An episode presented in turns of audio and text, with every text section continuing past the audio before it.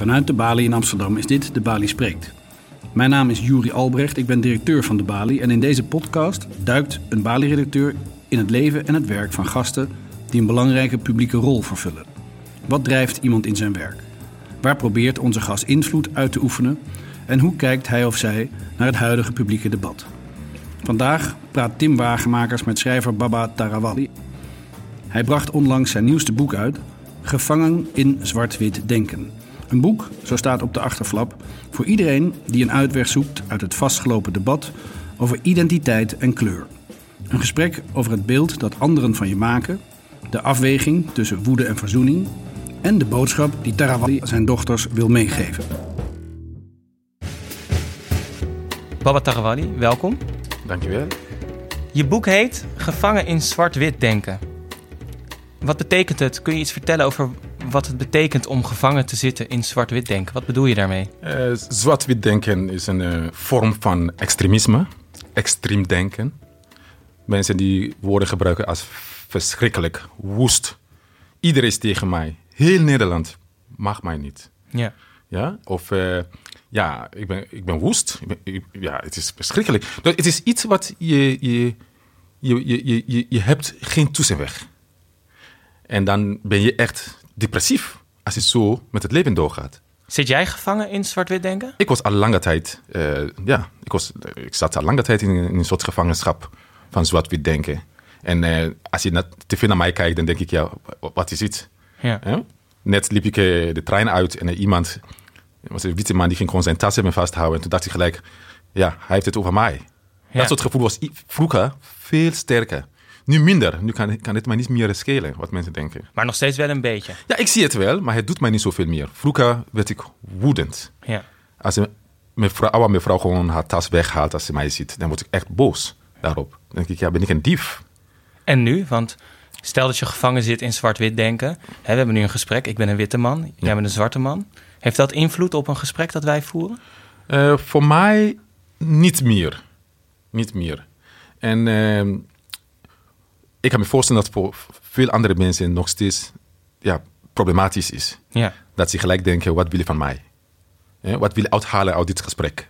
Ja. Ben je van plan om mij ja, op een, een hele uh, negatieve manier neer te zetten? Te ontmaskeren? Te ontmaskeren.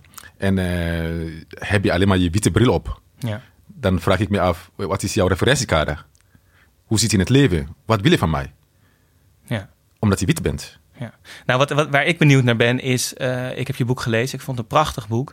Dank je wel. Um, je beschrijft in het boek hoe jij aankwam in Nederland... Uh, meer dan twintig jaar geleden eigenlijk. En wat er gebeurde op het moment dat je hier aankwam. Eigenlijk zeg jij in, in je boek dat jij... op het moment dat jij je eerste gesprek met iemand van de IND had... dat jouw identiteit gemaakt werd. Opeens werd je je er bewust van dat jij een zwarte man was die naar Nederland kwam. Um, en je beschreef net hoe je gevangen zat in dat zwart-wit denken. Maar tegelijkertijd zeg je dat het boek een uitweg biedt uit dat zwart-wit denken. Kun jij iets vertellen over de verandering die jij doorgemaakt hebt? Je kwam hier aan. Het hele boek gaat erover, dus mensen moeten gewoon het hele boek lezen. Maar kun je iets zeggen over wat er is gebeurd, wat bij jou een verandering tot stand heeft gebracht? Kijk, ik kom uit een, een hele trotse gemeenschap. Ik ben een Madinka. Mijn naam Baba Tarawali zegt het al. De Tarawali in het Frans Traoré we hebben een bepaalde positie in onze maatschappij. Mijn vader is een belangrijke iemand, mijn opa. Dus ik kom uit die familie waarin ik geworteld was in mijn Ja. eigen land. Ik geloofde in mezelf. Ik ben als volwassen man naar Nederland gekomen. Ja. Dus ik wist waar ik vandaan kwam, waar ik ben en waar ik naartoe ga. Had ik een klein beetje gevoel van. Ja. Waar ga ik heen? Dus ik kom op Schiphol en ineens was ik in de minderheid. Niet dat ik, ben de, ik was de enige zwarte iemand in heel Nederland. Maar op dat moment, in mijn omgeving, zag ik alleen maar witte mensen. En welk En- jaar was dat? In 1995. Ja. En toen besef ik ineens dat ik zwart ben. Ja? Omdat op dat moment heb ik een referentiekader. Heb ik iemand, veel witte mensen om me heen, denk ik hier. Hier ben ik niet meer in de meerderheid. Dus wat is mijn positie hierin? Mhm. En vervolgens vraag je asiel aan bij de IND.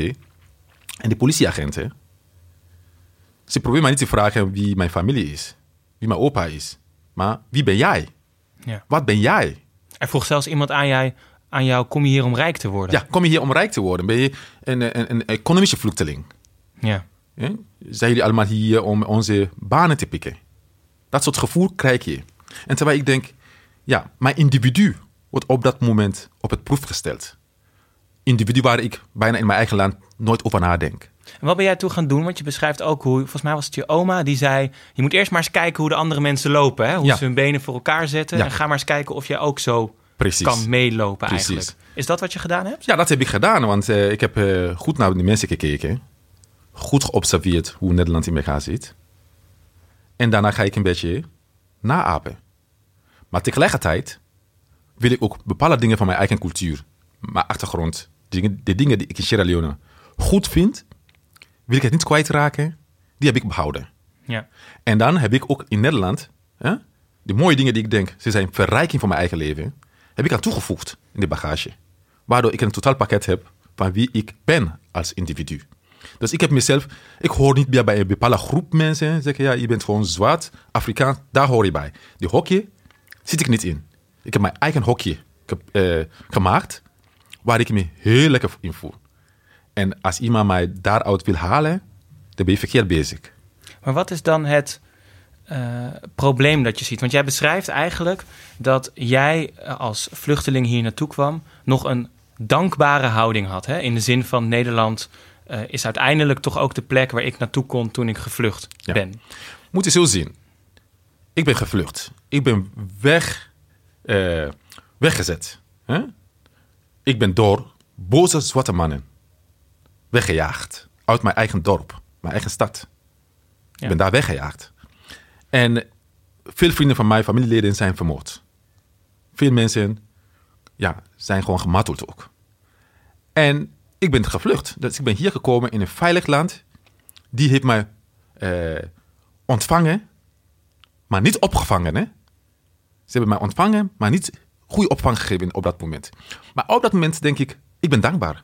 Omdat mijn leven is veilig hier in dit land. En de, de reden dat ik dat noem is eigenlijk omdat je in jouw boek een onderscheid maakt tussen jezelf, die dus dat gevoel heeft, en de generatie zwarte mensen die gewoon in Nederland opgegroeid zijn, die net zo Nederlands zijn als ieder ander. En die zeggen: Dit is ook het moment voor ons om iets te gaan eisen, om gelijkwaardigheid op Ja. te vragen Goeie vraag. en daarvoor te strijden. Ja, 23 jaar geleden, toen ik naar Nederland, toen ik naar Nederland kwam, was een hele andere Nederland dan nu. Waarom? 23 jaar geleden, zelfs de mensen die ik hier ontmoette, de zwarte mensen die waren hier, de Surinamers, Antillianen, waren niet bezig met emanciperen. In de zin van, eh, eh, op, op de barricade, om, om hun rechten te vragen. Zij waren bezig met overleven. 23 jaar geleden had ik zelf ruzie met Surinaamse vrienden en Antilliaanse vrienden, die denken dat ze geen Afrikanen waren. Ja? Of ze, denken, ze zeggen tegen mij: Ja, jouw voorouders hebben onze voorouders als slaven gemaakt. Er was een frictie. Dat was 23 jaar geleden. Dat zelf in mijn boek heb ik omschreven dat een eh, Surinaamse vriend van de voetbalclub zegt tegen mij: Jij bent asielzoeker, ik niet. Ja. Hele andere tijd. Ja? En langzamerhand zijn veranderingen gaande. 95 was geen Twitter. Was geen social media, eh, social media van de, eh, Facebook. Nee. Wat dan ook. Kon je, ja, gewoon denk maar gewoon in die tijd geen Facebook, geen social media. Dus als je tegen mij bent, dan zeg je tegen mij, baba, ik ben tegen jou. De, de, de, de mensen in Drachten, die onze opvangcentrum daar niet wilden, gingen demonstreren. Ja. Ze gingen echt tegen ons zeggen, hoe willen jullie hier niet hebben? Tegenwoordig zit iedereen achter zijn computer te twitteren, te facebooken en grote woorden te gebruiken tegen mensen die ze niet willen, of wat dan ook, of om minder uiten. is een andere tijdperk. Dat Ja. enorm veranderd. Maar dat heeft een dubbele consequentie. Want aan de ene kant heb je dat dus. En aan de andere kant organiseren mensen zich steeds meer. Precies, omdat in die tijd dat we afhankelijk waren van eh, grote denkers als eh, Martin Luther King, eh, Malcolm X en Mandela, die tijd is bijna voorbij. Nu, social media zorgt dat iedereen een stem heeft. Ja. Dus je kan gewoon dingen roepen, je kan dingen, dingen schrijven. En je moet niet vergeten, ik ben hier gekomen als volwassen man van 23 jaar. Geworteld, sterk, Je kende jezelf. ik ken mezelf. Ik ben niet op reis gekomen met mijn ouders, die mijn hand hebben vastgehouden. Kom maar mee, baba. Nee. Ik heb dingen meegemaakt in mijn eigen land waardoor ik gevlucht ben. De jongeren van nu, ze zijn hier geboren of hier opgegroeid, hebben te maken met een hele andere Nederland dan ik. Zij hebben bijvoorbeeld witte vriendjes op school. Zij hebben discriminatie en racisme op andere manier ervaren dan ik, waardoor hun ervaring heel anders is dan mijn ervaring. Dus ontkenning van die ervaringen is een slechte zaak. Ik zou, en ik vraag ook, je mag niemands ervaring ontkennen. Als iemand zegt, ik ben, ja, ik, ik, ik, ik ben gediscrimineerd of eh, ik voel racisme, het zou waar zijn. Maar die persoon voelt het. Op die manier. Ja. Dus die groep mensen, en daar is, is, is niet voor niks dat ik heb dit boek aan mijn dochters opgedragen. Je hebt twee dochters, hè? Twee dochters. Die ik heb aan dit boek opgedragen. Omdat ik probeer mijn pijn van, mijn- van het verleden en van het nu niet doorgeven aan ze. Ik wil dat zij hun eigen verhaal gaan maken. Hun Ja. eigen Nederland, hun eigen toekomst. Hier is Nederland hun moederland. Ja. Sierra Leone is het land van hun vader.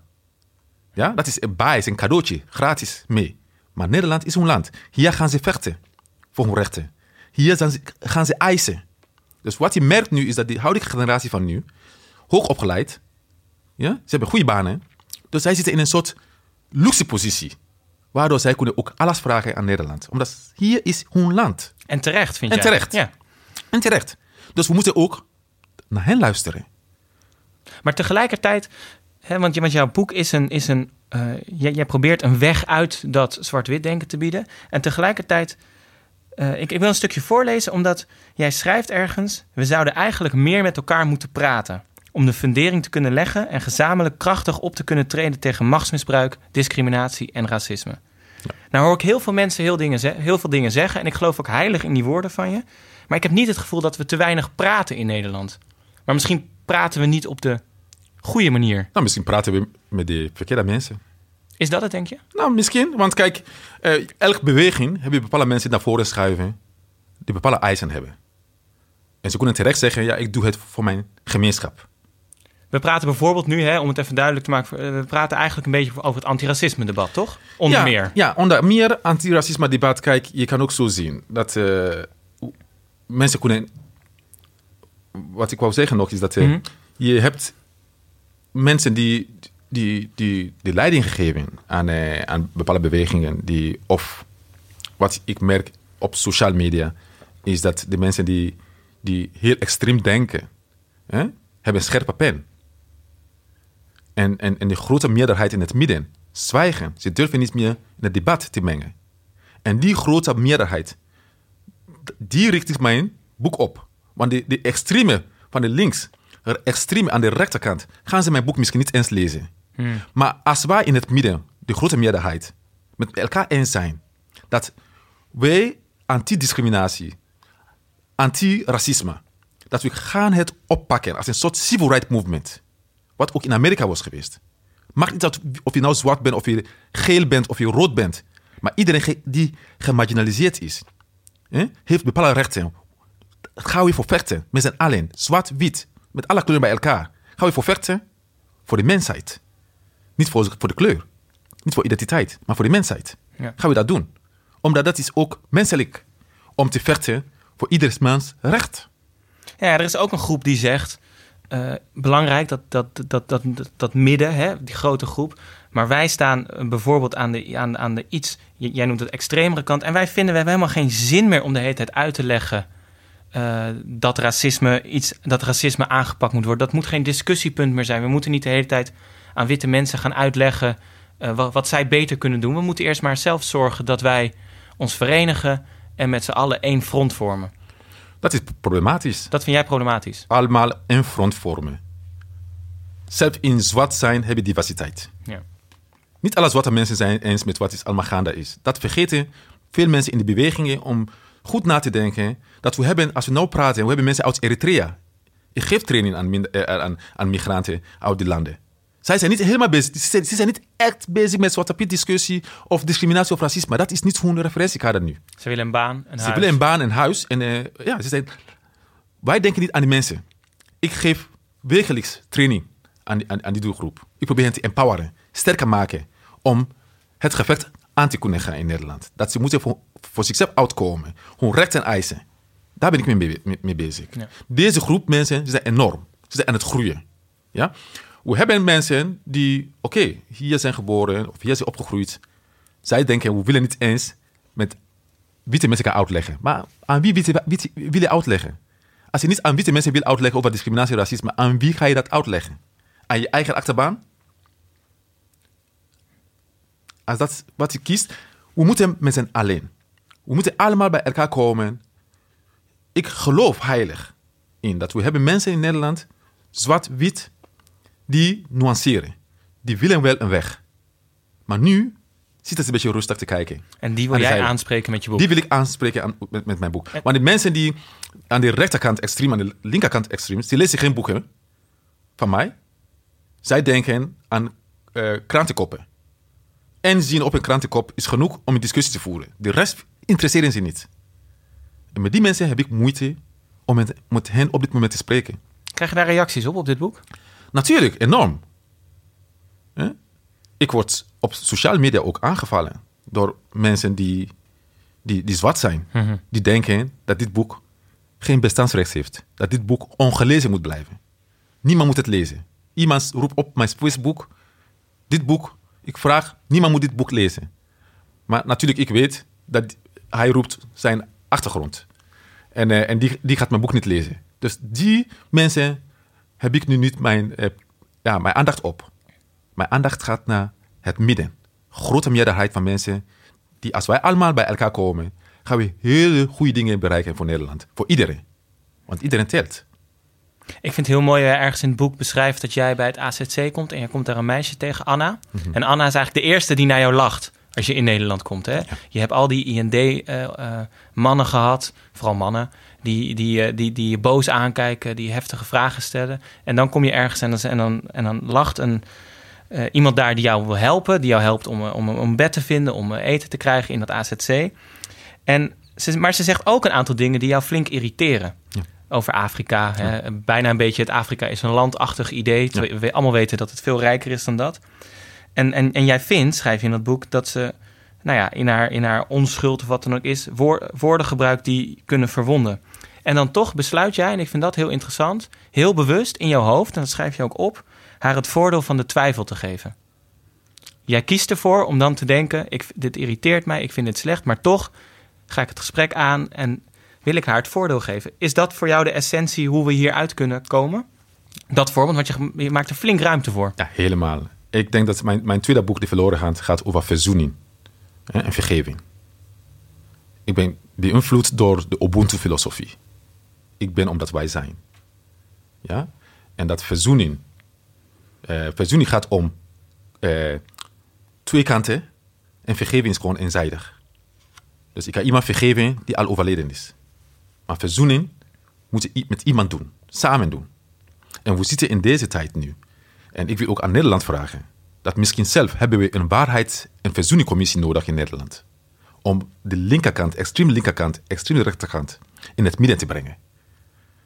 Het zou geen gek idee zijn dat de pijn, maar de pijn is terecht. Er is enorm pijn in mensen die hier al opgegroeid zijn, die het gevoel hebben dat ze niet worden gezien. En een van de meest moeilijke dingen die een, iemand die gemarginaliseerd is, die heeft, is dat als hij of zij niet gezien wordt, naar haar of hem gekeken wordt, of bekeken voelt, en niet naar geluisterd wordt. Dus het kan Maar hoe kan je verzoenen? Maar ik ben op, dan op zoek naar een strategie of een tactiek. Want jij werkt ook veel, je geeft veel trainingen met iemand die tegen eh, een, een Nederlander gewoon zegt met, een andere huidskleur: je moet terug naar je eigen land. Hoe, hoe kan je met in je boek beschrijf je een ontmoeting met twee witte mannen die tegen jou zeggen tijdens het carnaval: wat doe jij hier? Het is een wit feest. Hoe, kan jij met, hoe kun je met dat soort mensen verzoenen? Wat, wat voor strategie kun je daar inzetten om te ontsnappen uit die tegenstelling? niet boos worden.